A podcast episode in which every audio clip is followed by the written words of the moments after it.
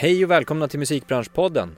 I dagens avsnitt har vi träffat ingen mindre än härliga Mark Dennis som är VD på Sony Music. Mark har en riktigt spännande resa som många verkligen kan inspireras av. Lyssna bara på det här. Från att ha velat bli spion när han var yngre, till att studera statsvetare, till att flytta till Frankrike, till att flytta till Sverige, börja DJa och jobba med rättigheter på STIM, till att idag då driva ett av Sveriges största majorbolag. Ja, som ni hör så är det ju en riktigt spännande resa som många verkligen kan inspireras av. Men vi pratar även om allt från Spotifys roll idag till hur man kan bygga sitt portfolio för att till exempel sticka ut på arbetsmarknaden. Känner du också att det här är riktigt spännande och har ett otroligt driv till att vara med och utveckla framtidens musikbransch? Då vet du väl att utbildningen Music Business Developer nu har öppet ansökan till höstens start. Och sista ansökningsdag är 20 maj och mer kan du läsa på dmgeducation.se. Nu kör vi!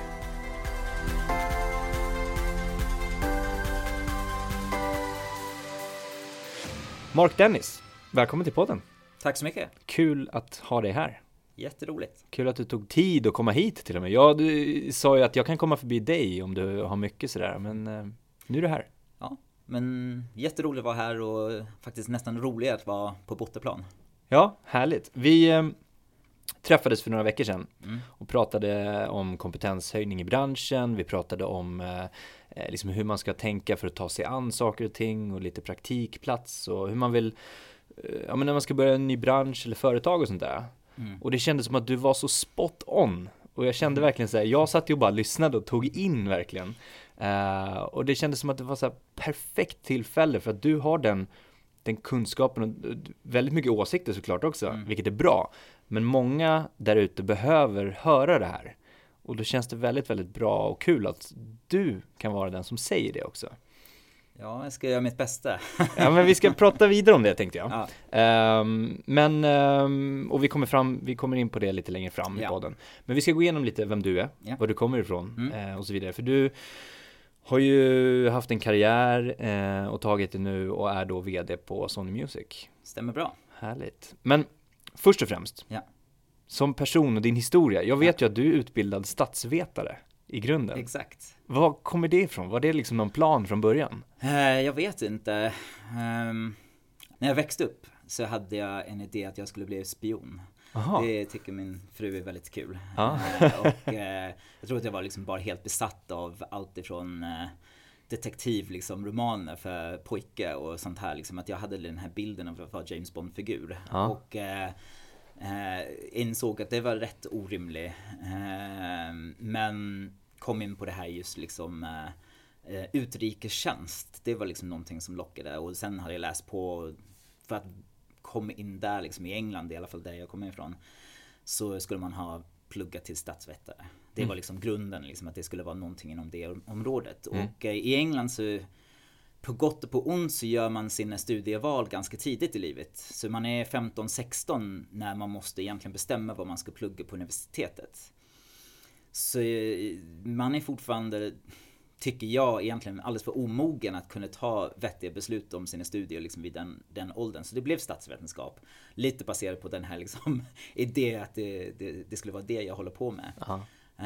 Um, men lite, eh, alltså man kan säga det på plussidan i England när man, när man pluggar på universitet, det är lite det, syftet är inte nödvändigtvis att komma in med en spetskompetens utan det är liksom syftet av att plugga som på något sätt är anledningen varför man ska gå på universitetet. Alltså nästan hela livet liksom kring att vara student och att plugga någonting och liksom bli vuxen. Mm. Så på det sättet eh, så var det det var väldigt positivt att plugga statsvetenskap. Det är en ganska bred ämne. Liksom man går in på en massa olika nischer. Man går in på historia, man går in på politik, man går in på ekonomi, filosofi.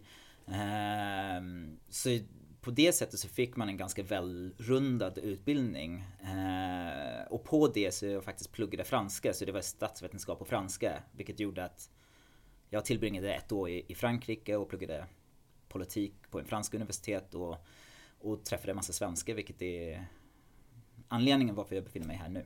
Alright. Mm. Och hur, från allt det här då, hur mm. liksom kom du fram till att nej, det är musik jag ska hålla på med? Um, jag tror att det är, alltså musik sen tioårsåldern har varit en central del av mitt liv. Och jag tar det hela vägen tillbaka till till att läsa Smash Hits som en känd poptidning i, i, i England. Och eh, från det så gick man igenom, alltså som tonåring så sin musikpreferenser ändras nästan dagligen. Och jag gick igenom en, en väldigt stor hiphop-fas när jag var 12, 13, 14 och sen när jag kom in i typ 16-17 åldern så var det mitt i britpop boomen i, i England och det var nästan omöjligt att inte fångas upp av det för det var en rörelse som var rätt kraftig liksom. Inte bara som musikälskare utan som, som vad ska man säga, medborgare i England. För det mm. präglade den kulturen, allt kring britpopkultur präglade liksom eh, hela landet på just den tiden, mitten på 90-talet. Eh, men det var alltid mer en hobby, liksom, eller en hobby, ett, ett gediget intresse. Jag brukade varje måndag, då släppte det, det var liksom inte New Music Friday, det var New Music Måndag. Liksom. Mm. Alla, alla singlar och album släpptes på måndag. Jag köpte allt som fanns i princip. Och eh, Alltså jag tror inte jag någonsin funderade, jag kommer från landet, jag är, min pappa är bonde liksom, jag är uppväxt på en bondgård liksom, att man skulle någonsin jobba med musik som var sitt största intresse, det fanns inte på världskartan. Nej. Ehm, och det var egentligen under universitetstiden, jag började jobba med universitetsradio, eh, började som låtsasmanager åt en lokal band, började DJa lite på klubbar det var fortfarande en hobby och det var egentligen när jag först kom till Sverige att jag hade inte så mycket att göra liksom. Att eh, en hobby blev ett sätt att tjäna lite pengar genom att starta klubbar, DJa och så vidare. Och ja, med tiden så kändes det som att det här är kanske det som jag ska hålla på med. Mm. Um, så det blev en, en, jag tror en konsekvens. Jag är ganska säker, hade jag stannat kvar i England så skulle jag inte jobba med musik. För jag hade sett det nästan som en omöjlighet. Men tack vare att jag kom till Sverige och, och var nästan omkastad in i någonting helt nytt. Så de här glastaken som man upplevde i sitt hemland inte fanns längre. Utan man fick en helt annan perspektiv att liksom, men det här är möjligt. Mm. Och eftersom jag hade inte så mycket att gå på när jag kom till Sverige så var man tvungen att bara hitta på saker. Bara göra. Bara göra. Ja. Vilket gav liksom ingångar som jag kanske inte skulle ha fått annars. Kände du att då att det blev liksom som en så här, men nu får jag inte en ny start. Att, att komma till Sverige och känna så här, men det är bara att göra. Jag, jag har mm. ingen bakgrund här utan jag kan skapa mig någonting nytt här också. Mm. Var det någonting också som bidrog?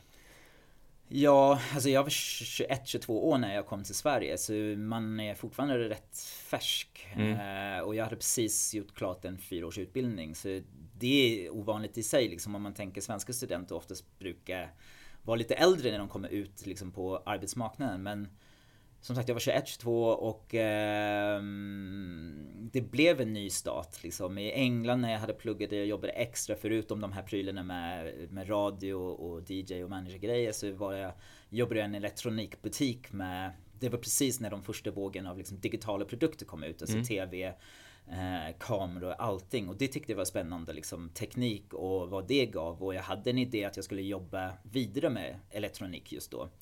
Men det kunde jag inte göra i, i ett nytt land eftersom jag hade inte språket med mig och, och då musik blev en enklare väg in och det blev en så, så bindande ämne när man träffar nya personer. Liksom, mm. Att uh, alla har en åsikt om musik och det är ett väldigt lätt uh, sätt att känna nya människor. Och, uh, jag var ute på klubb och krogar liksom fyra, fem dagar i veckan när jag kom till Sverige. Och det var så jag egentligen kom in i Sverige genom att träffa folk och bara prata nonsens om musik. Ja. Och ja, bli DJ, göra saker, liksom starta klubbar. Det blev, det blev en väldigt naturlig sätt att komma in i en, i en bransch och, och förstå att liksom, nej men det här skulle kunna bli något. Mm. Vad tyckte familjen om det då? Jag tänker om, om man har den bakgrunden i mm. England att ja, man ska studera och man ska plugga och bli statsvetare till exempel. Då. Mm. Hur, hur mottog de det när du sa nej men jag är i Sverige och DJar och, och startar klubbar och ska jobba i en flummig bransch som musikbranschen? Jag tror att de tyckte jag var galen för jag faktiskt flyttade till Sverige efter att min dåvarande svenska flickvän hade precis gjort slut. Okay. Så jag hade egentligen ingen anledning att vara här mer än att jag kände att vad annars ska jag göra? Ja. Eh, så det tyckte mina föräldrar var konstigt bara i sig. Eh, eh jag vet inte, de tyckte nog att eh, han får hålla på liksom ett år eller två och sen, eh, sen ska han komma hem och, och, och bli vuxen. Ja, precis. Ehm, men Ehm, som sagt, min, min pappa är bonde, min mamma har varit lärare. De, de är faktiskt inte så jätte... Oftast när man sitter i sådana här intervjuer eller lyssnar på intervjuer med artister eller folk i musikbranschen så, så pratar alla om att ja, men det spelas så mycket musik hemma. Mm. Min, min familj är inte en musikfamilj. Det Nej. spelades aldrig musik hemma. Mina föräldrar har en total på ungefär 10 skivor. I, alltså som går fortfarande liksom samma 10 skivor som de hade när jag var ung. Så det var inte en inspiration därifrån och ehm, jag vet inte ens nu om de förstår exakt vad jag håller på med. men, eh, men nu förstår de i alla fall att det är någonting som man kan ha som ett yrke. Liksom, och det har varit kul att visa. Och jag tror att de är eh, ganska stolta nu. Delvis över liksom, att jag har hittat min plats. Liksom, men även eh, ja, kring Sverige och allting. Ja, och vad du har tagit dig an under tiden upp till vart du är idag kanske också. Ja, Som vi pratar om, att göra saker och ting, att Ja. liksom skapa. Ja. Och det, om jag tittar på, eh, alltså min pappa har alltid varit en sån här person som bara fixar grejer. Mm. Eh, och min bror är likadant. Han, han har ett företag i England som bygger kajaker liksom. Eh, som han startade liksom helt själv. Och jag har alltid haft en ångest över att jag har noll skills inom, alltså händ, jag är inte Crafting händig. liksom. Nej. Eh, och, eh, men just den här liksom, eh, möjligheten att anpassa sig och liksom förstå saker, analysera vad är problemet här och hur ska man ta sig an det? Jag hoppas att det är det som jag har fått ifrån mina gener liksom. Mm. Att hur min pappa bara tittar på en maskin och kan få det att funka.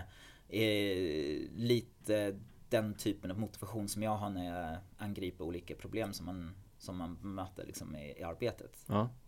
Du, du sa ju lite kort att du var intresserad av teknik. Mm. Ja men tv, radio och Ja. teknikprylar. Mm. Och du har ju jobbat med digitala bitar också i musikbranschen. Precis. Men vad, jag tänker så här, var hittar du inspiration? Vad, vad, vad hittar du, vad, vad håller du dig uppdaterad för? Eh, vad hittar du digitala trender om plattformar och sådär? Ja, alltså det blir, man, man måste vara ärlig och säga att det blir svårare med, med åren eftersom ehm, Ehm, det kom, med åren så kommer det inte lika naturligt som när man är ung. För när man är ung så bemöter ny teknik liksom med en väldigt eh, eh, öppet sinne. Medan ju äldre man blir desto mer eh, mer man resonerar kring teknik liksom och man tar inte emot teknik på samma sätt. Så man måste nästan tvinga sig själv men det finns också fördelar med, med att gräva fram information istället för bara ta emot. Mm. Eh, att man hela tiden förbättrar sin analytisk förmåga liksom att, att om man, det finns tusen sajter, det finns tus, tusen nyhetsbrev, man kan titta på en miljard videos på YouTube som pratar om ny teknik. Mm. Och alla har ett syfte med det. Och jag tror att eh, med, med åren så det som man blir lite bättre på, liksom, och inte alltid fantastiskt, men att man ska kunna läsa av vad som är, vad som är hype och vad som är riktigt. Mm. Men så jag skulle säga liksom hur jag, hur jag snappar upp saker är snarare liksom en, en helhetsbild av liksom all information som finns där ute och försöker lägga på en, en rimlighetslager på det. Just det. För det, du behöver fortfarande vara up to date i din nuvarande roll kring Mm. vad som händer för att ta beslut om strategier Absolut. som ni ska gå och så vidare. Mm. Men jag tänker innan vi går in på din nuvarande roll mer, så du har ju även jobbat på STIM Ja. till exempel. Mm. Finns det någonting där som du tar med dig in liksom i din nuvarande roll? Jag tänker du jobbar mycket med upphovsrättsfrågor och sånt där. Mm. där. Eh, har det gynnat dig i ditt dagliga arbete idag? Absolut. Alltså STIM var den första riktiga jobb som jag, som jag hade i Sverige. Och jag hade varit i Sverige ungefär ett år när jag, när jag fick jobbet där. Och, eh, det var... eh, Det har varit en extremt viktig eh, del av mitt liv i Sverige för, av två anledningar. För det första liksom är att utan det jobbet så tror jag inte mitt språk hade kommit upp på en nivå som skulle ha varit duglig och jag hade jättetur att de som rekryterade just då liksom hade en extremt stor eh, flexibilitet kring, kring just det där. Eh, men att komma in i en svensk arbetsmiljö. Men STIM är ehm, man kan säga att STIM har ett dåligt rykte liksom, att det är liksom tråkiga sidan av musikbranschen. Men för de allra flesta artister i Sverige så är det deras bread and butter.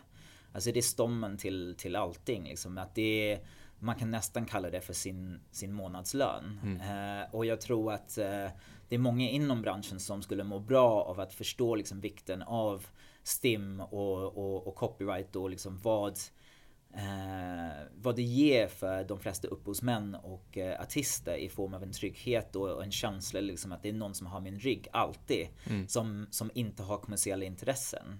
Så eh, när de jobbar med ett skivbolag eller ett förlag eller liksom en, en liveagent så finns det en annan typ av kommersiell intresse. Medan STIM är en insamlingsenhet som, som, som är inte vinstdrivande. Eh, och det i sig tycker jag liksom är, är ganska speciell. Mm. Eh, så jag skulle säga att tiden där var en extremt bra grund i liksom vad, vad är liksom vad är basen för liksom en artist, en, Mm. en låtskrivare? Liksom. Det, det ska inte glömmas.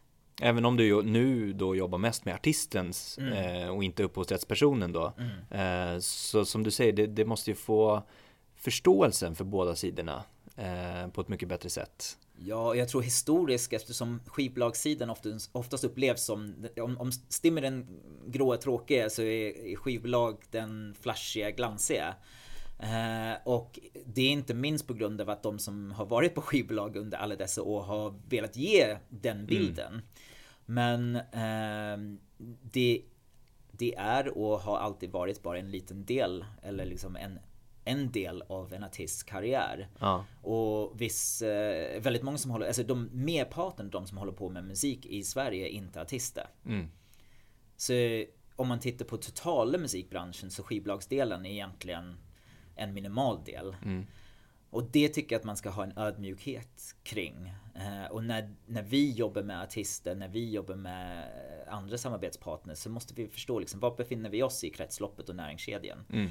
Och att har man inte en förståelse av de andra områden, om det är, om det är copyright, om det är live, om det är eh, merchandising, så har man ganska svårt att anpassa sina tjänster till en artist på bästa sättet. Mm.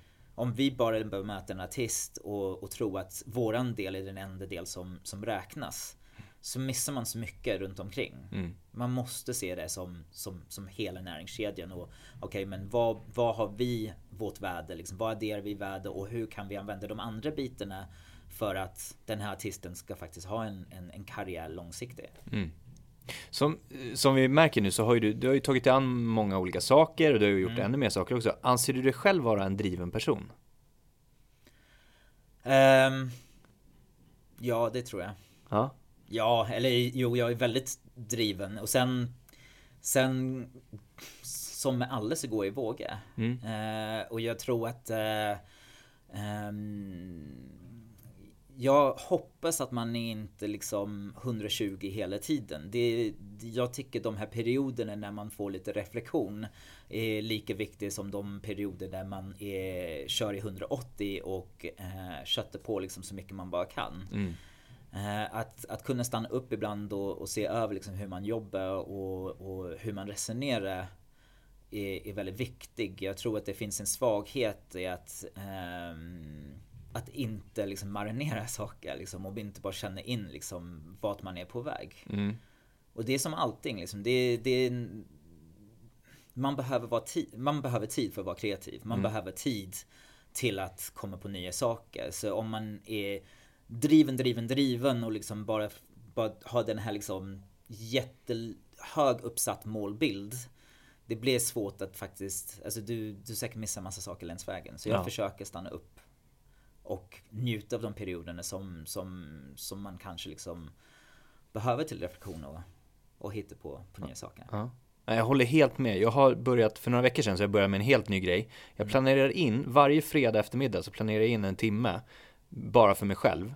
Där jag inte bara reflekterar utan jag skriver det eh, och reflekterar kring alla olika projekt som vi jobbar med, eh, alla olika delar som jag gör privat, alltså om det är att träna för någonting eller mm, resa eller vad som helst. Vart ligger vi någonstans? Eh, Som en liten så avstämning. Eh, sen i övrigt skriver jag väldigt mycket också. Men den lilla biten har gett mig jättemycket för då kan jag lämna det. Ehm, och, och liksom både se vad vi har gjort för att motivera mig själv till att fortsätta nästa vecka. Eh, så att en, en liten sån grej som att, som du säger, stanna upp, reflektera. Men jag tror få ner det på papper och penna eller i dokument. Ja, och det jag, eh, jag lyssnar på en massa podcast och jag eh, läser tyvärr inte lika mycket som jag skulle vilja läsa liksom. Men så fort man har semester så man unnar sig en riktigt dålig roman och sen försöker läsa någonting som, som, som är lite inspirerande. Och det det blir bättre när man är faktiskt ledigt och gör det. Det är eftersom du är mer mottaglig för den inspirationen som finns och som du säger liksom att, att försöka liksom hitta Alltså jag har läst så många musikbiografier eller mm. musikbranschböcker eller liksom om det är Steve Jobs eller Jeff Bezos äh, biografier liksom. Det är, äh, man ska liksom som med allting, man ska plocka ut det som kan kännas relevant för sig själv. Mm. Och kanske inte ens nödvändigtvis på det sättet som har skett tidigare utan frön till en idé liksom. Och jag, jag, jag ser liksom en ganska stor värde i att få med sig en sak ifrån en bok mm. som, som kan leda till en förbättring i hur man tänker eller jobbar senare. Och eh, jag tycker det alltid känns väldigt givande när man kommer på de där grejerna. Det är underbart. Jag, jag läser ganska mycket också. Att ständigt applicera det man läser går ju inte. Nej. Utan du behöver, precis som du säger, plocka ut de där små kornen ja. då och då. För att en del böcker säger emot varandra också. Gör så, gör så. Ja. Eh, om det är ledarskap eller psykologi eller vad det nu kan vara. Men eh, är du bra på att koppla bort, alltså koppla av och till exempel stänga av mejlen eller att inte titta på mejlen eller sociala medier? Nej. Inte? Nej. Har du något system för hur du tar dig an mejlen?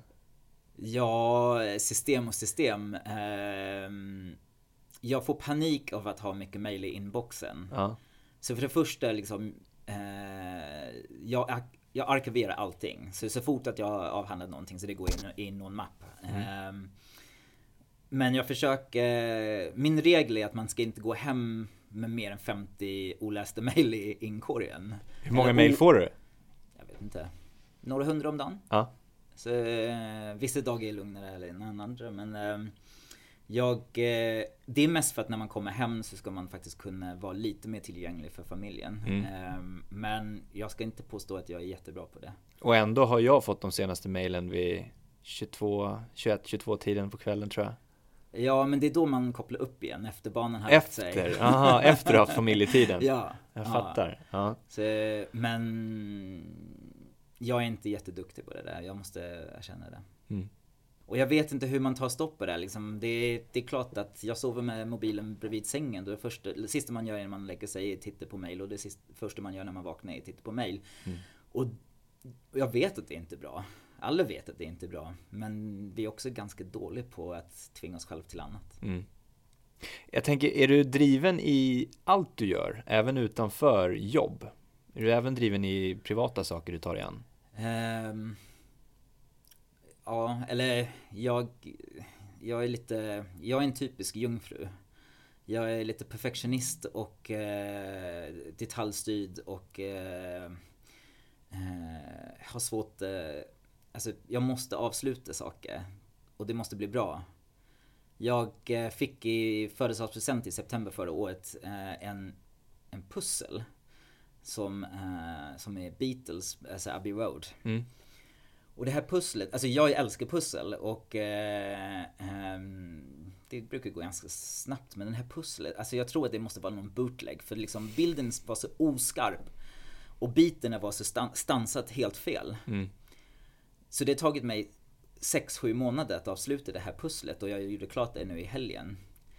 Och min fru sa till mig minst 20 gånger, skit i det. Mm. Alltså bara lämna, alltså du, men jag kunde inte liksom, det bara naggade kvar och det är liksom lite talande i, i allt jag håller på med liksom. Att när jag har tagit mig an någonting, jag har väldigt svårt att släppa det. Och jag har ganska svårt, det spelar ingen roll om det är privata livet eller jobblivet, att det måste bli bra. Mm. Men det är väl en bra egenskap att, att kunna slutföra saker och ting? Mm, ja. Majoriteten av gångerna måste det vara det i alla fall.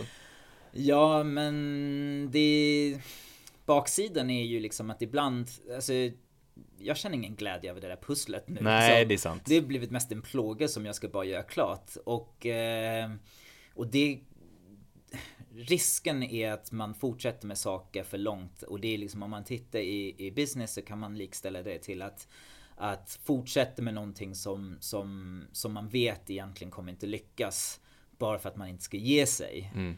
Um, och ibland så måste man veta när man ska säga stopp. Och ibland så ska man ta vettiga beslut om, om att gå vidare.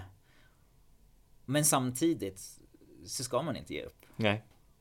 Inte ge, upp, inte ge upp, men, men inte alltid göra det till perfektionist. Alltså, är det Ja. perfektion? Mm. Ehm, har du någon tydlig målbild? ehm, eller mål med karriär, med privat, för dig själv? Alltså där jag sitter idag hade jag ingen aning att jag skulle... Jag blev VD när jag var 34 och det var för mig extremt otippat. Det, det blev en, en väldigt märklig liksom snabb resa under ett antal år. Ehm, så jag var inte beredd på det. Och jag var inte ens säker att jag skulle klara av det. Eller jag var långt ifrån säker. Jag var mest säker att jag skulle misslyckas. Men... Ehm, så det har kastat omkull ganska mycket av mina målbilder. Eller liksom hur jag tänker med, med, med karriären. Det som är väldigt roligt, alltså jag hade en idé när jag startade på, som VD på Sony att man skulle försöka driva bolaget som, som en indie med major muskler. Och liksom skapa någonting som var kvarstående. Och jag kände liksom att om jag ska... Om det finns en tydlig fördel med att få den här rollen ung, det är att jag har gott om tid att verkligen tänka långsiktigt. Att ha liksom en längre liksom vision än en kortsiktig kvartals liksom förbättring. Sen, sen hade jag en enorm flax att komma in i den rollen i början på en period av stark tillväxt i den svenska musikbranschen som, som gjorde mitt liv mycket lättare att ha den här långsiktigheten. Men verkligheten är liksom att, att, att skapa någonting bestående liksom på ett bolag och jag tror liksom det spelar ingen roll om det är ett skivbolag eller ett, ett eh, porslinfabrik så tar det tid. Och speciellt när man jobbar med, med kreatörer och relationer så att skapa liksom en förtroendebild med de som man jobbar med. Liksom att, att, att, eh, att visa att man, att man är värt att samarbeta med. Liksom att man faktiskt står för det man säger. Ehm, Det tar tid. Och jag tror att eh, om jag ska säga globalt liksom ett problem med musikbranschen är att oftast folk ges inte tillräckligt mycket tid. Att det måste det måste bli en evolution istället för en revolution ibland. Och ehm, så nu har jag gjort det här i, i, i sju år. Och jag känner att jag har kanske kommit bara igenom första fasen. Så, och med målbild, jag tror att vi är väldigt snabba att sätta upp ganska orimliga eller orelevanta mål.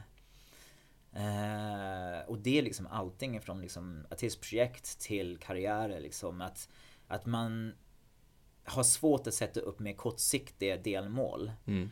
Eh, och jag försöker påminna mig själv och, och, och mina kollegor liksom att, eh, att sätta upp mer rimliga, relevanta, kortsiktiga mål kan vara ett, ett bra sätt att känna liksom en, en, en större glädje, eh, stolthet och eh, känsla för liksom att man har åstadkommit någonting. Istället för att man sätter upp mål som blir nästan uppbäddat för att misslyckas på. Men behöver du inte det där stora för att kunna bryta ner till delmål då? För att veta först i vilken riktning du ska? Ja, men den riktning, alltså det stora målet bör vara ganska vag för det kan hända så mycket längs vägen. Liksom. Jag, absolut när jag, när, jag, när jag insåg att jag eh, skulle jobba inom musikbranschen så hade jag en idé, eller jag hade, min första grej att jag ville jobba på skivbolag. Eh, Så innan jag jobbade på Stim så gick jag runt alla skivbolag och försökte få praktik och alla sa nej. Förutom en person och det var Helen McLaughlin som är numera VD på Warner. eh, Och som jag har haft eh, turen att jobba med under ett par gånger. Eh, Det är inte så enkelt. Så jag då hade jag ingen aning att jag skulle sluta där jag slutar nu. Men så man kan ha liksom en svävande bild men det är ganska viktigt att den inte blir för fast. För det kan hända en massa saker längs vägen liksom som tar, tar en person i en annan riktning och jag tror att man ska vara väldigt mottaglig för, för eh, eh, vad heter det? serendipity. Det tycker jag är en fin sak. Mm, mm. Ja, men var öppen för möjligheter som dyker upp. För att om du har för låst sikte så ser du inte det Nej, som händer i periferin. exakt. Och då kanske du missar någonting som du faktiskt inte visste om att du ville eh, göra eller jobba med eller ta dig an. Ja, och liksom, jag vet att det är en, en kliché liksom, en serendipity. Hur säger man det på svenska? Oj, eh, Men får googla. ödar, alltså liksom Ja, att... precis. Eh, att det ena saken leder till den nästa liksom. Att Mm. jag hamnade i Sverige liksom. Att jag kom in i musikbranschen. Att jag fick liksom ett nej från eh, personer som, som gjorde att jag tog en annan riktning som gav mig en mycket bättre grund för att senare komma tillbaka till det som jag ville verkligen göra. Alltså allting händer av ett skäl tycker jag. mm, Så länge att man är där och, och, och är drivande i liksom att det ska leda till någonting bra.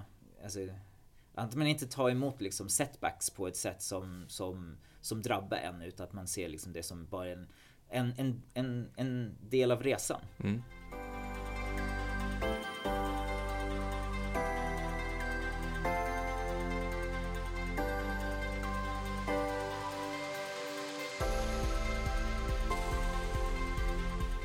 I ditt ledarskap, tar du, tar du inspiration från andra? Ja, det är det enda man gör. Har du någon, någon specifik som du verkligen har liksom Nej. anammat? Jag... Eh, nej, jag skulle, jag skulle säga att jag fortsätter som, som, som jag har alltid gjort. Liksom, att försöka liksom eh, tänka extra när jag träffar intressanta personer liksom, och, och, och, och ta bitar. Och det, jag skulle säga nu, det som är roligt är att Uh, nu när man är 40 år liksom, och i mitten på livet så, så har man fördelen av att kunna dra inspiration från både de som är äldre och yngre. Liksom. Att man har en väldigt bred palett av inspirationskällor. En person som jag tycker är alltid väldigt rolig att prata med är, är Petter, alltså artisten Petter som vi jobbar med. Det är eh, delvis för att så fort man pratar med honom eller följer honom i sociala medier så förstår man att liksom man kan mer. Mm, mm. Det, det, man kan aldrig säga liksom att, eh, att man gör för mycket när man tittar på vad han håller på med. Och det tycker jag liksom är en inspiration för mig. Men även liksom hans sätt att resonera kring saker och hur han sätter upp mål för sig själv tycker jag är det är häftigt. Mm. Har du någon mentor? Ehm, nej. Du klarar dig bra själv. Nej men jag tror att Eh, Jag skulle säga att eh, men Jag pratade faktiskt med en kollega om det här häromdagen att eh, Alltså mentorskap när man pratar om att eh, Att boka in liksom att ha liksom en månadsmöte med någon som ska vara sin mentor. Det finns en risk att eh, Det antingen blir liksom en, en psykologbesök eller liksom en typ bekräftelsebehov liksom. Och jag tror att eh, det är ganska skönt att ta bort det här elementet och, och istället eh, så länge man känner att man att man tycker det är kul att lära sig nya saker. Det kan man göra på massa olika sätt. Mm. Och då behöver man inte liksom en regelrätt mentor. Ehm, Men någon Alltså, du min- bollar saker med då? Ja, jag, alltså det gör jag med liksom alla mina kollegor. Ja, det är så? Ja. Man kan inte, bara för att jag är VD så har jag inte alla svaren. Jag har långt ifrån alla svar. Och, eh, men jag skulle säga det här, att jag är väldigt övertygad om saker. Och det, det är ganska svårt för folk att, att ändra min uppfattning kring olika grejer. Och det är där jag försöker uppmuntra min personal. att vara hård mot mig, för det måste man nästan vara liksom. Och, ehm, så jag, jag söker mig oftast till personer som är lite bråkiga. Mm. Eh, för att man ska få den här friktionen. Ehm, och jag har tur att ha ganska många bråkiga personer runt omkring mig. Makes sense. Ja. Absolut, skitbra. Om vi går in, vi glider ju in här på din nuvarande roll då. ja. Eh, vad innebär liksom det ansvaret som VD för ett liksom majorbolag? Jag, alltså först och främst är det att vara ledare för de 70 personer som jobbar på Sony Music eh, i Sverige. Mm.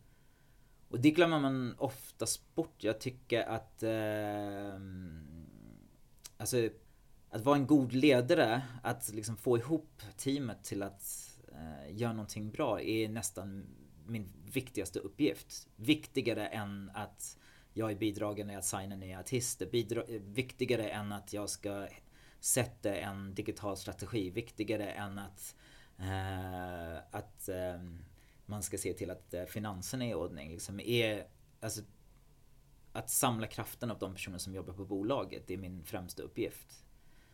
Ehm, sen om man tittar bara rent pappersmässigt, liksom, vad gör vi? Liksom, det, det finns två, liksom, i grova drag, två sidor. Liksom. Det är den förvaltning av Sonys International Repertoire i Sverige.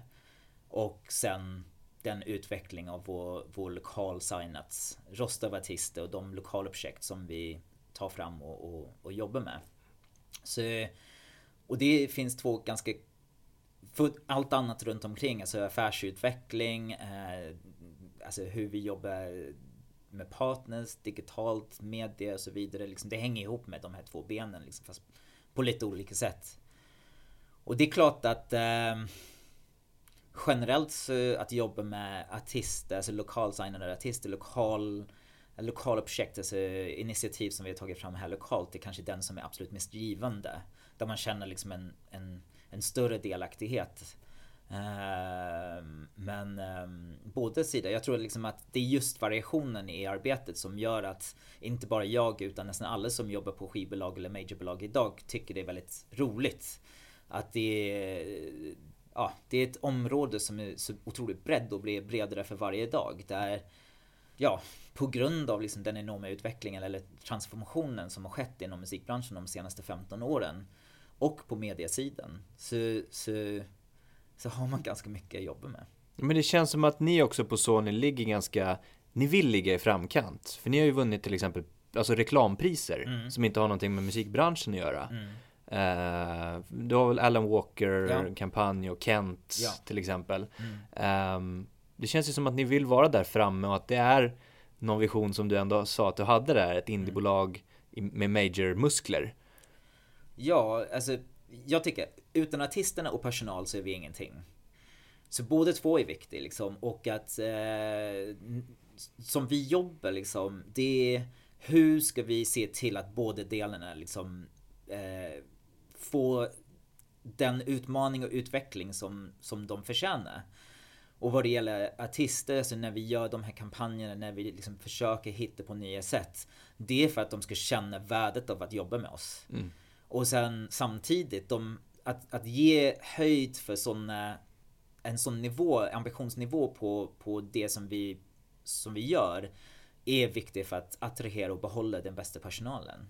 Och att få dem att känna liksom att de får ut ett värde av, av sitt arbete. Så det är, en, det är lite sneaky, alltså man försöker liksom se till att båda sidorna, liksom både artisterna och eh, våra anställda liksom känner ett värde i det vi håller på med. Mm som du säger, du, du har ju haft din roll sedan 2011 va? Mm. Eh, ser dagens arbetsdagar ut liknande som de gjorde för sju år sedan? Eller har det ändrats väldigt, väldigt mycket för din, din del? Eh, alltså det ser inte ens ut som det gjorde för sex månader sedan. Nej. Och det tror jag är det, återigen liksom varför det är en väldigt rolig tid att jobba med med musik och på, alltså, på skivbolagssidan är det som jag kan bäst. Och är ju att det, det är rätt så snabbrörlig. Eh, och jag tror att vi, för, vi har kommit till en punkt att folk är ganska vana med den rörligheten. Att, eh, att börja nu se, och det tar ganska lång tid för, för skivbolagsbranschen har varit en ganska stadig och liksom lik eh, likartad bransch under en, en, väldigt lång period. För egentligen bara om formaten hade ändrats så liksom distributionsmetoden var detsamma. Så det spelar ingen roll om det var vinyl, kassett eller CD. Liksom distributionsmetoden och marknadsföringsmetoden var likartat i 30-40 år. Så det som har hänt de senaste 15 åren där inte bara distributionssättet har förändrats radikalt utan medielandskapet har har gått igenom en kanske nästan ännu större förvandling jämfört med musikbranschen gör att att vi liksom behöver liksom vara, ja, vad ska man säga? Det låter, att man ska, att ska man känna liksom lusten i det ovise. Mm. Det lät lite luddigt. Liksom. Men att man eh, ska se det som en bra sak snarare än en utmaning. Alltså det är inte en utmaning utan det är snarare liksom bara en, en sak som gör att det, det blir roligt att gå till jobbet varje dag. Mm.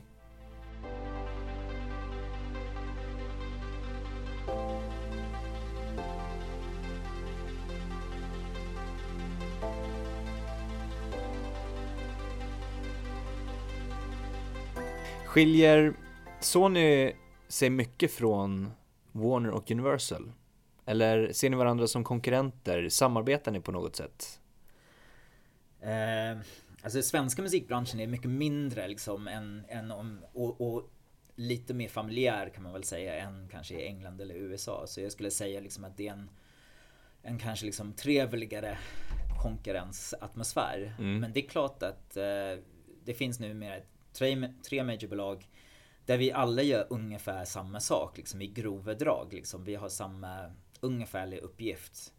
Så jag tror att eh, det blir allt viktigare att särskilja sig på andra sätt och, och jag tror att eh, framförallt så handlar det om vilken typ av kultur man har liksom, på bolagen och liksom, vad det är för liksom, bild av företaget eller bolaget som man vill eh, få fram. Mm. Eh, och återigen liksom där man tänker på liksom vad är det för kultur man har mot artisterna? Vad är kultur som man har som arbetsplats? Mm. Uh, och jag utan att ha jobbat, jag har jobbat på Universal en kort stund under min karriär liksom, men det är väl nu 7-8 år sedan så jag har egentligen inte så bra insyn i hur det ser ut på, på de bolagen utan försöker fokusera på att liksom skapa den kulturen på Sony som, som jag tycker motsvarar mina värderingar och, och idé om, om hur musikbranschen ska fungera. Mm. Och inte bara majorbolagen, jag tänker också nya affärsmodeller, nya independentbolag som dyker upp. Mm. Eh, vad, vad, ser ni för eh, utmaningar med det som ett stort majorbolag? Ja, den självklara utmaningen är att vi, vi är ständigt på tårna liksom och, och, och och påminna oss själva liksom varför liksom vi behöver finnas. Mm. Eh, jag är inte... Jag är inte så... Jag känner till kompetensen av de som jag jobbar med och liksom vad vi är bra på, vad vi, vad vi kan bli ännu bättre. Så jag är inte så rädd att eh, en, en, en annan typ av spelare på, på marknaden kommer göra oss irrelevanta. Men det kommer absolut göra att vi behöver eh, omvärdera liksom var, var vi befinner oss i näringskedjan. Mm. Och ständigt utvärdera liksom vad vi ska vara. Vad är liksom vårt syfte liksom och, och vad kan vi addera värde i, i den här kedjan? Mm. Och det är absolut inte samma samma plats som det var för, för fem år sedan och det kommer inte vara samma plats som det är om, om något år till. Och apropå det då, ser du någon har du någon rädsla eller ser du några liksom större utmaningar i, i vart utvecklingen ser ut att ta sig någonstans? Jag tror att eh, en utmaning är, är för alla som jobbar med musik att, att, eh, att säkerställa att man skapar engagemang. Att musik inte blir en bakgrundsljud. Och det tycker jag eh, är inte en helt lätt fråga liksom. Hur ska man... Det är väldigt viktigt för inte bara vi som, som skivbolag utan för artisterna liksom att skapa engagemang. Mm.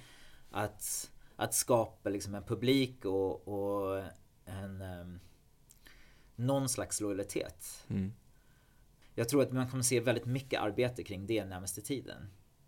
Och det kan man, om man tittar på de artisterna som väljer att gå sin egen väg eh, som, som oberoende artist så tycker jag det som är inspirerande från dem är hur mycket de oftast jobbar med att skapa engagemang.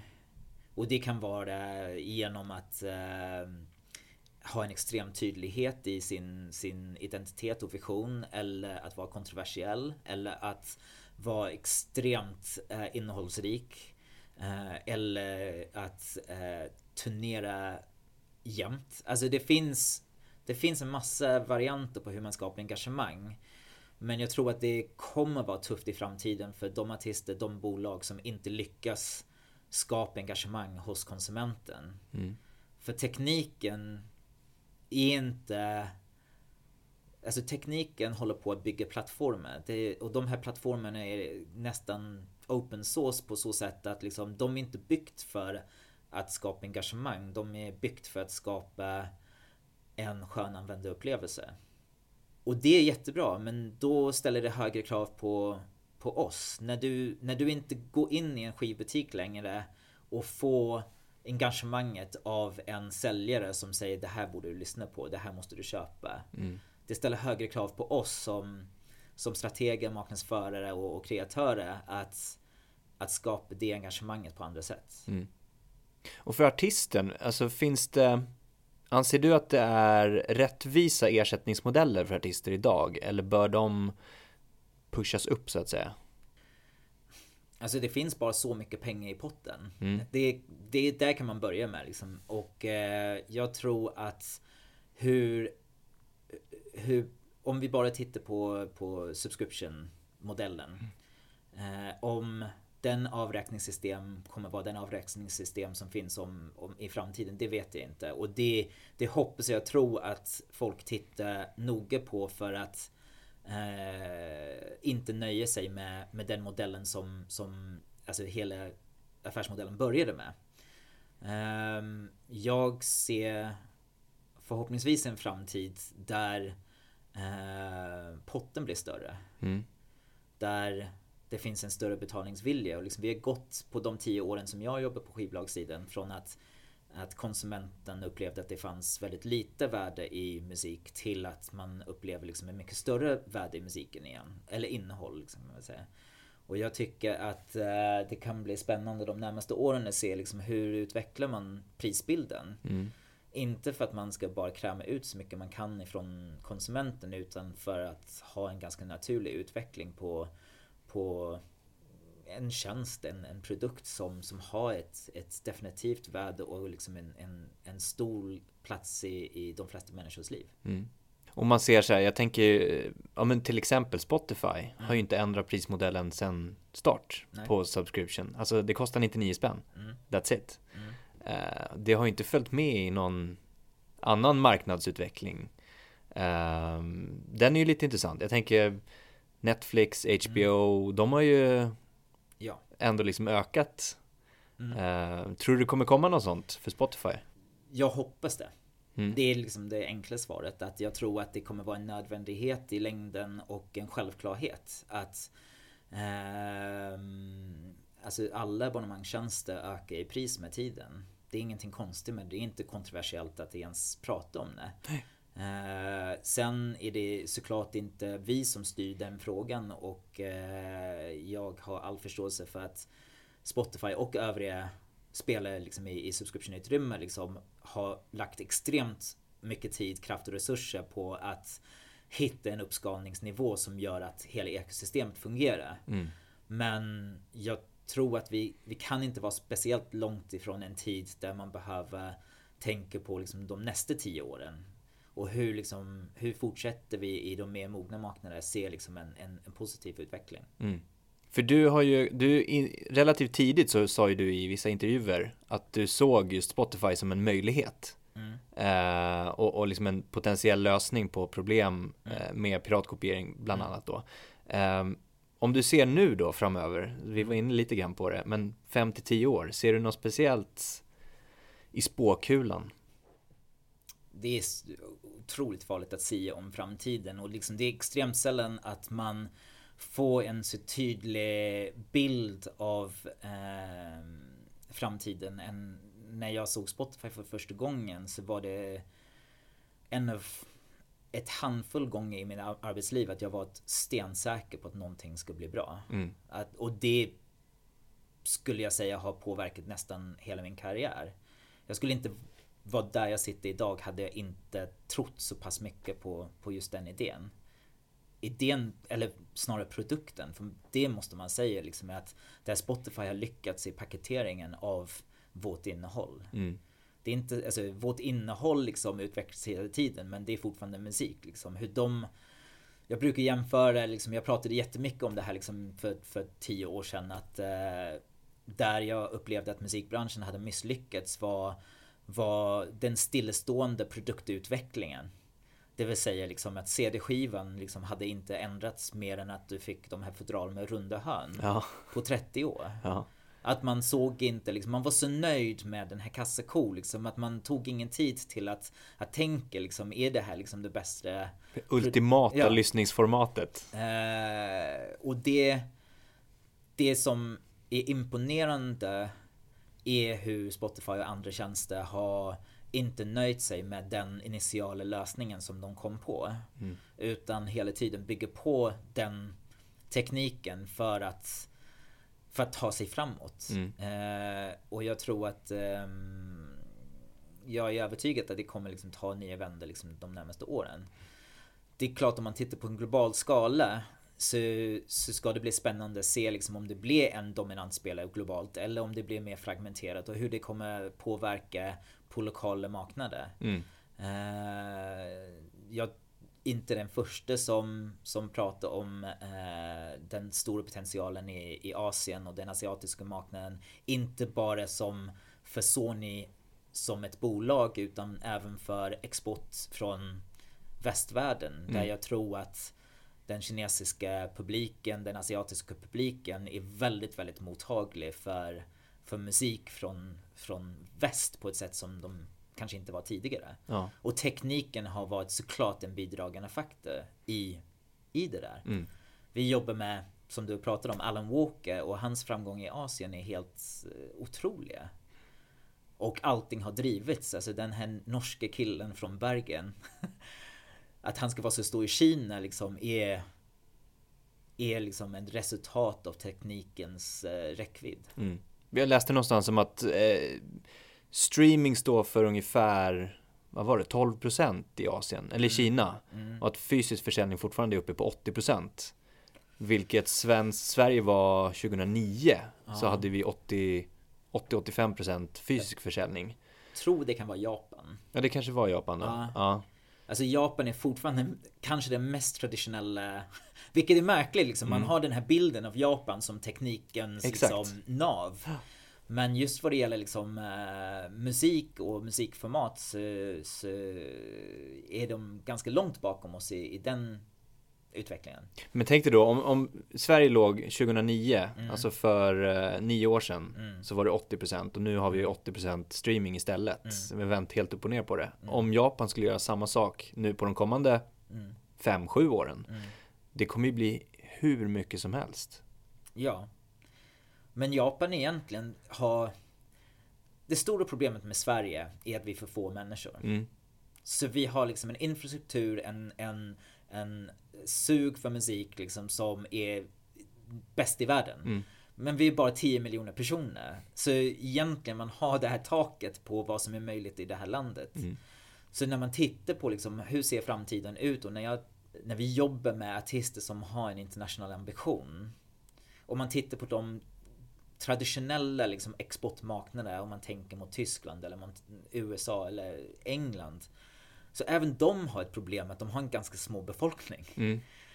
Tittar man på Kina som har vad är det, 1,7 miljarder människor eller Indien med 1,5 miljard människor. Liksom. Det är Indonesien, alltså Filippinerna. Liksom. Vi pratar om eh, Vi pratar om länder med, med en otrolig räckvidd. Mm.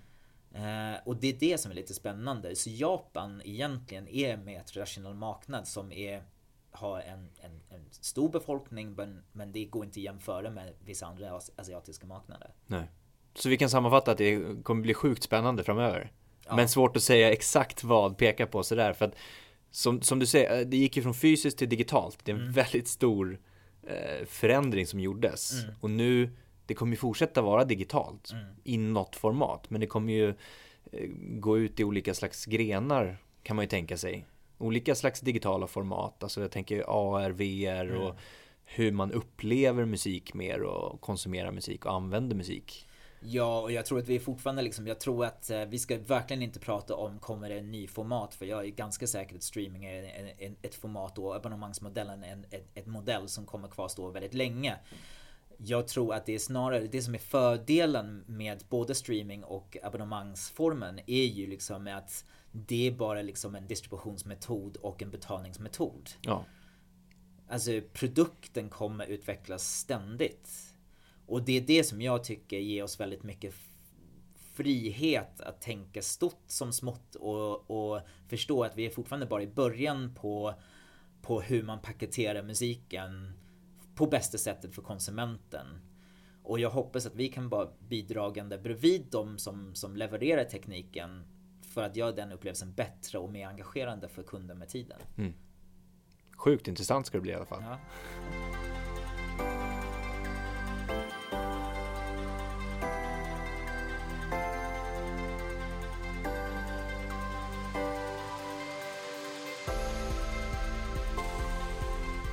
Jag tänkte vi ska gå in på lite din hjärtefråga, nej så kanske man inte kan kalla det, men, men eh, lite som vi pratade om förut, tips och råd och eh, till personer som vill ta sig mm. in i branschen och så vidare. Eh, om du, eh, vi börjar med det här då, tre tips mm. till de som vill på något sätt börja jobba och få in en fot i branschen och jobba med businessbiten. Min första tips, och det liksom pratade du och jag om för, för ett par veckor sedan, är att, att, att skapa, skapa sin portfolio. Mm. Alltså när en, en person som jobbar med design ska söka till något eh, företag så det, det är självklart för dem att de ska skicka med en portfolio av saker som de har gjort. Men det har traditionellt inte varit så vanligt för någon som vill jobba inom musikbranschen att de ska visa upp vad de har gjort. Och jag tror att det är ganska, det är väldigt viktigt och det blir allt viktigare att kunna visa liksom, ja men det här har jag gjort på egen hand. Och det behöver inte vara liksom någonting massivt och det behöver inte ens vara någonting som har varit framgångsrikt. Men det är att visa att man har varit proaktiv och, och faktiskt tagit sig an liksom en, en, en projekt som man har drivit lite på egen hand. Och det kan vara allt ifrån eh, Alltså som jag gjorde, liksom starta med klubbar, liksom sätta upp eh, liveshower liksom eh, till, eh, till att eh, bli manager för ett lokalt band till att eh, eh, skapa innehåll på ett intressant sätt liksom och vara var stolt över det liksom. Och kanske var också stolt och ödmjuk så säger liksom det här är vad jag har gjort. Det här blev lyckat, det här blev mindre lyckat, jag lärde mig det här och det här och så, så vidare. Mm. Men att, att visa för personer i branschen att, att, att man är proaktiv och drivande, det tycker jag är en, en, en väldigt viktig sak. Mm. Uh, och mycket mer trovärdigt än att bara liksom knäcker på alla dörrar och mejlar folk osoliciterat och bara säger hej, här är jag. Mm. Jag vill jobba med musik. Och komma med någonting, liksom att det ska finnas någon slags substans i varför man tar kontakt eller va, ja. alltså något Att det finns syfte. ett sammanhang, att ja. man har någonting att prata om. Precis. Och, och, och även liksom, jag tänker oftast när, när folk skriver personliga brev liksom som en del av en ansökan Eh, om det är liksom spontant eller inte. Liksom att, att försöka komma på liksom, vad är det som, som gör mig unik. Mm. Vad är det som jag har verkligen? Och det kan inte vara jag älskar musik. Det måste vara någonting mer det. är fler liksom. som gör det. Ja, och jag tror att, eh, att, att visa vad man har gjort, liksom, det behöver inte ens vara kopplat till, till musik. Det kan vara någonting helt annat. Men bara liksom att man visar liksom att jag jag tar för mig. Mm. Jag, jag står inte här bara och säger att jag är bra. Jag har faktiskt gjort saker. Mm. Ehm, det, det tror jag blir allt viktigare. Mm. Ehm, och att man kommer utifrån en utbildning oavsett vad man har studerat med någonting mer i bagaget än, än sina studier. Mm. Så vikten av att liksom under, under studietiden liksom att, att, att försöka hitta på någon form av liksom bisyssla, liksom betalt eller obetalt tycker jag är är, jätte, jättebra. Mm. Sen ta chanserna. Alltså när du får en fot in i dörren. Var beredd på att jobba häcken av dig. Mm. Och det för mig så låter det som en självklarhet men jag kan säga att det är inte alltid liksom självklart. Alltså det känns som och jag hör det här från många håll och kanter liksom att när man har väl fått jobbet det är liksom okej okay, skönt. Då är du safe. Nu är jag safe. Ja. Men jag tror att idag så det finns så pass många möjligheter liksom att de som tar för sig, de som tar chanserna, de som visar att de är kapabla av att göra liksom skillnad kommer ha det väldigt lätt att ta snabba steg upp i karriären. Mm. Och det känns jätteroligt att liksom de gamla formerna för hierarki är bortblåsta och det finns liksom en, en stor entusiasm för, för folk som kan göra skillnad. Mm. Och det åldern liksom, och jag menar inte ens att det här är liksom någonting som, som måste komma från de yngre utan jag tycker liksom oavsett ålder kan man komma in på en arbetsplats och, och visa att man gör skillnad. Så, så det, det är det som jag letar efter hela tiden som, som, som VD. Mm. Vi pratar ju mycket om nätverk, talang, Mm. hårt arbete, passion och formella meriter också då. Mm. Hur skulle du, skulle du rangordna dem på något sätt? Vad skulle du sätta liksom först? Självklart en, en the perfect match, en mix mellan alla, men Ja. Jag tror att det, jag vill inte rangordna dem egentligen för jag tycker det, det kan vara ganska individuellt liksom och det är också viktigt att, att förstå liksom att eh, som jag sa, liksom, vad är det som gör dig unik? Mm. Och det kan vara liksom i vissa fall att en hög prestation inom, inom studierna. Det kan vara i vissa fall liksom en enorm driftighet liksom, eller entreprenörsanda. I vissa fall så kan det vara liksom en djup analytisk förmåga. Och, och jag tror att ehm, det, så det är, in, det är inte alltid samma sak. nej. Jag tror att eh, en liten paradox är, är att inom branschen så letar man efter spetskompetens fast man vill fortfarande ha allrounders. Mm. Och oftast det som vi försöker jobba med är liksom när man, eh, när man anställer folk med spetskompetens att man ska försöka få dem bredare. Mm. Och när man anställer de som är breda så ska man jobba med att hitta deras spetskompetens. För det kan du ha både och liksom att du har liksom, men det här är där jag är absolut starkast. Mm. Men jag är också tillräckligt bred för att kunna ta mig an dialog över alla de här områden. Mm. Då, då, då blir det väldigt intressant. Mm. Men jag skulle säga liksom att min, om, om jag skulle säga en sista sak och det är liksom gamla stort. Alltså ett big bets. Alltså som sagt att hade jag inte när jag såg Spotify första gången verkligen trott på det och gjort mig extremt eh, opopulär i vissa lägen internt på Sony liksom under den tiden med min tjat om, om det så hade jag nog inte liksom kommit dit jag kommit nu. Nej.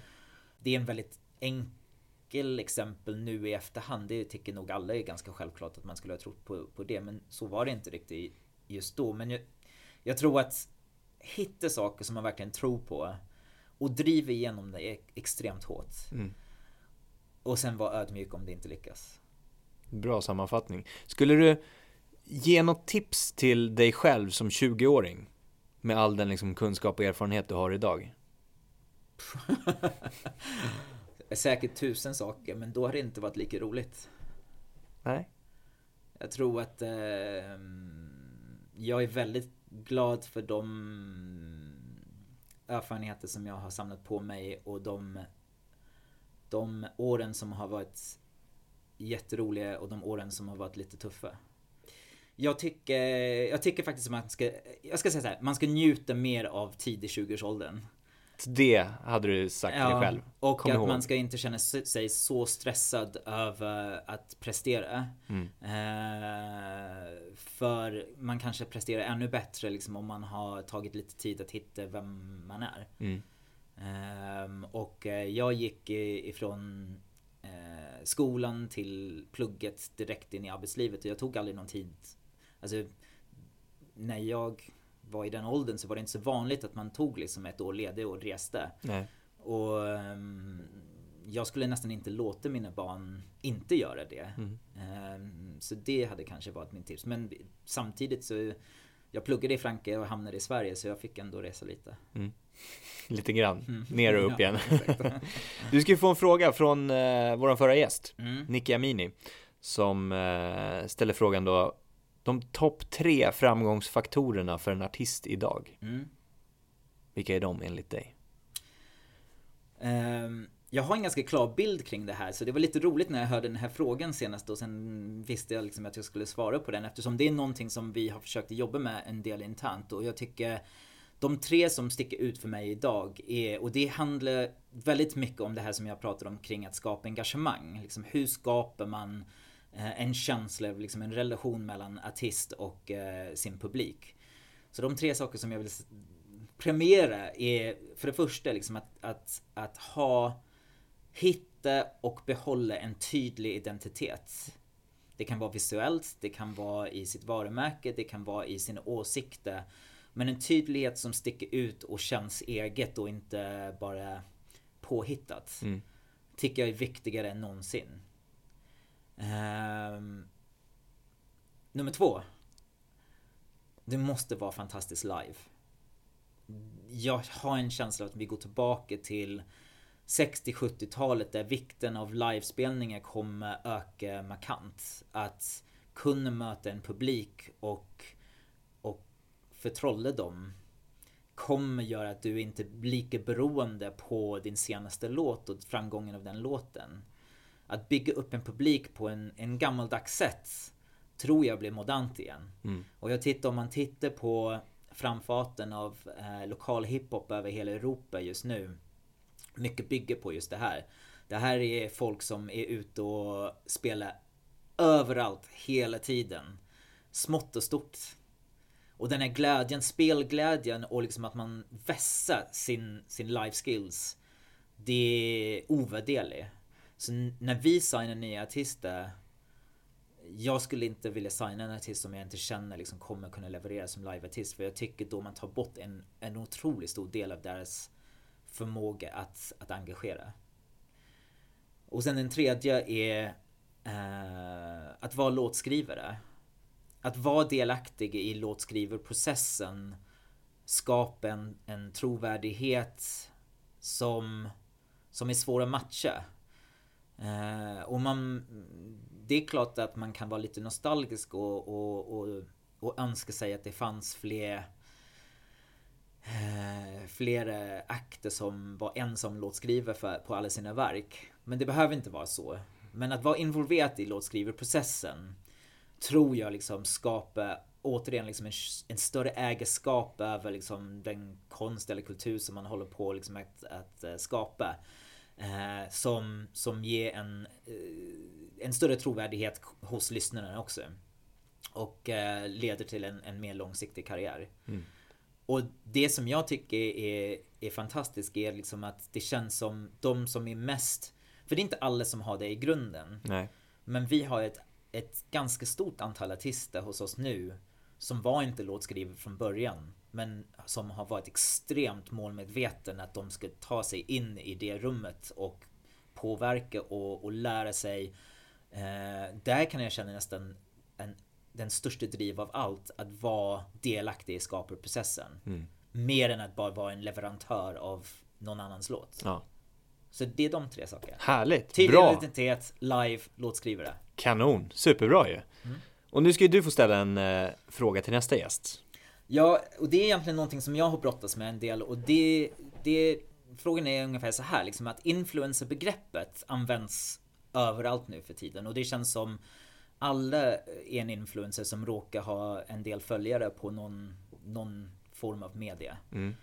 Men vilka personer är det som idag verkligen har möjlighet att påverka andras beteende? Mm. För det tycker jag inte är alltid samma sak som följarantal. Nej. Bra Så fråga. Det är min fråga. Det ska vi ta reda på. Jättestort tack för eh, kanonsamtal Mark. Tack Andreas. Mycket trevligt att ha dig här. Tack detsamma. Ha det bra, vi hörs. Hej! Hej!